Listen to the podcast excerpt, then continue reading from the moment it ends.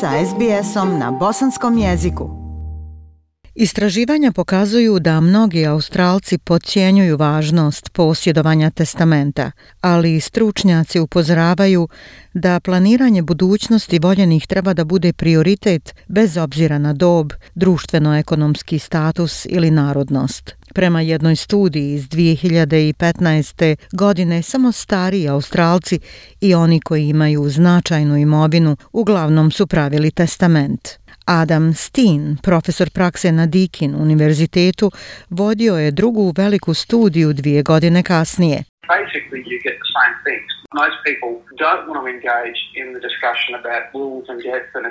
U osnovi imate iste stvari, da se većina ljudi ne želi uključiti u diskusiju oko testamenta, smrti i posjeda i stvari te vrste. To je veliki postotak ljudi, znate, u grubo oko 50%. Različita pogrešna shvatanja i sujevjerje su među razlozima koje ljude zadržavaju da naprave testament.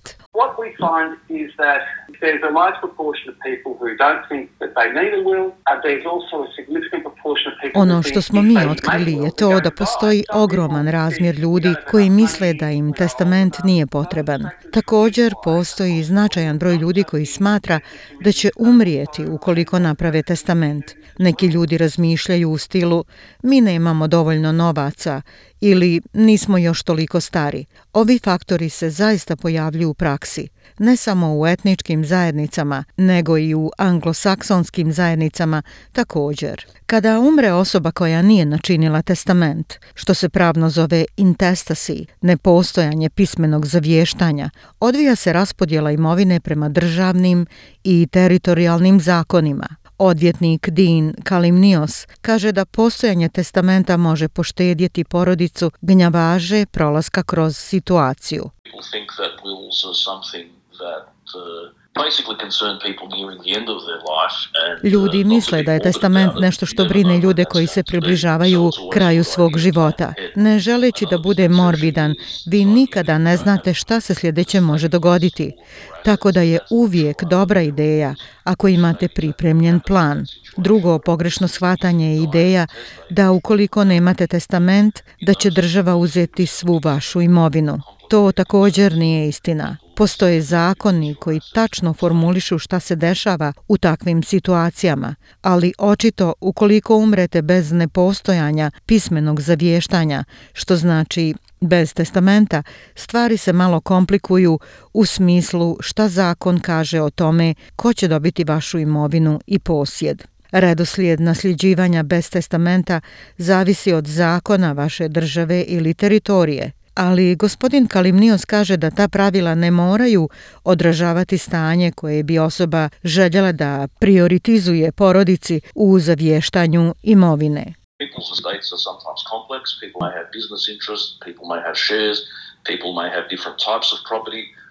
Ljudski posjedi su ponekad složeni. Ljudi imaju poslovne kamate, mogu imati dionice, mogu imati uh, različite vrste imovine. Postojanje testamenta zaista pomaže da se riješi problem kako ćete rasporediti imovinu.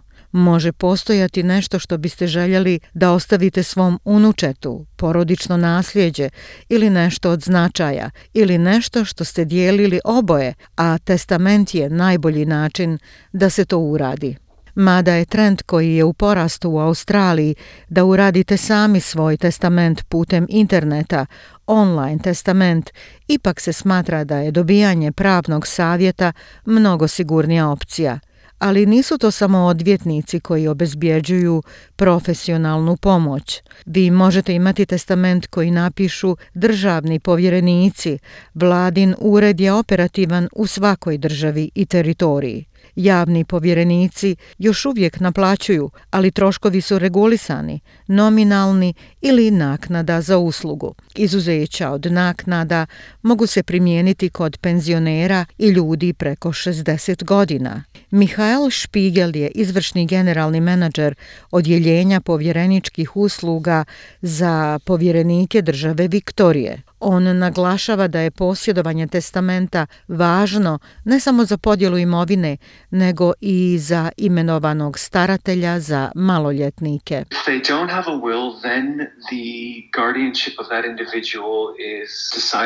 Ako nemaju testament, onda o starateljstvu te osobe odlučuju zakoni države, a onda dolazi do različitih rođaka koji su dostupni i u mogućnosti da prođu kroz to, možda da stave dijete na usvajanje ili da traže pomoćno starateljstvo. Znate, to je razlog zašto mi zagovaramo da se napravi testament. Veoma je važno da imate starateljstvo koje je iskazano vašom voljom, jer ako ne, Odluka može biti načinjena za vas tako da je protiv volje zakonitog staratelja ili roditelja. Gospodin Špigel naglašava da je ovo od izuzetne važnosti za migrante u Australiji koji imaju djecu mlađu od 18 godina, a koji možda nemaju druge porodice u zemlji. So myself, for example, my children are born in two different countries and when my wife and I set up the Kao ja na primjer, moja djeca su rođena u dvije različite zemlje i kada smo moja supruga i ja sačinjavali testament, mi smo imenovali staratelje ovdje u Australiji zato što su djeca odrastala ovdje. Mislili smo, ako umremo ili nam se nešto dogodi, kako bi to dramatično moglo biti za njih da se vrate u zemlje koje nikada nisu vidjeli. To bi čak bilo i puno dramatičnije za njih. I tako, Željeli smo da osiguramo tako što smo identificirali naše najbliže prijatelje koji su izrazili spremnost da brinu o našoj djeci u slučaju te eventualnosti. Za vrijeme niza godina dok je pripremao testamente za svoje klijente, Dean Kalimnios je nailazio na slučajeve kada se etničko porijeklo njegovih klijenata sudaralo sa konceptima nasljeđa i podjele. On kaže da testamenti djeluju kao zaštita protiv nesigurnosti.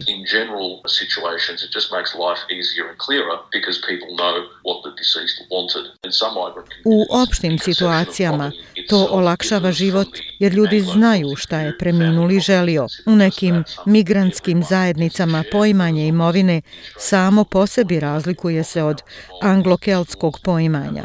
Porodična imovina se razmatra samo tako, kao nešto što svako može da dijeli. Dok očigledno australsko zakonsko gledište, ideja imovine je kako se desilo da je to vaše, da imate pravo da učinite s tim šta god želite, a onda tu su i pritisci familije, kako to podijeliti. A u izvjesnim zajednicama potencijalni nasljednici se pretvaraju da imaju više prava nego njihovi roditelji. Mihael Špigel kaže da su tenzije u familiji, kada ne postoji testament, prisutne u svim kulturama bez razlike, prisjećajući se svog iskustva u povjereništvu države Viktorije.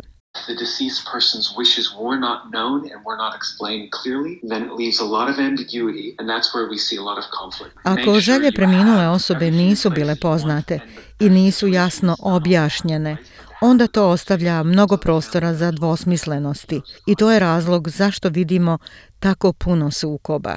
Budite sigurni da ste sve postavili na mjesto što želite, a najbolja situacija je ne samo da ste postavili stvari na svoje mjesto, nego i da ste razgovarali sa familijom, da znaju šta se dešava, da nema iznenađenja. Ukoliko koristite online paket za testament, još uvijek ga možete provjeriti kod odvjetnika ili u javnom povjerenstvu. Ja sam Aisha Hadži Ahmetović. Ostanite uz SBS radio. Like, share, comment. Pratite SBS Bosnian na Facebooku.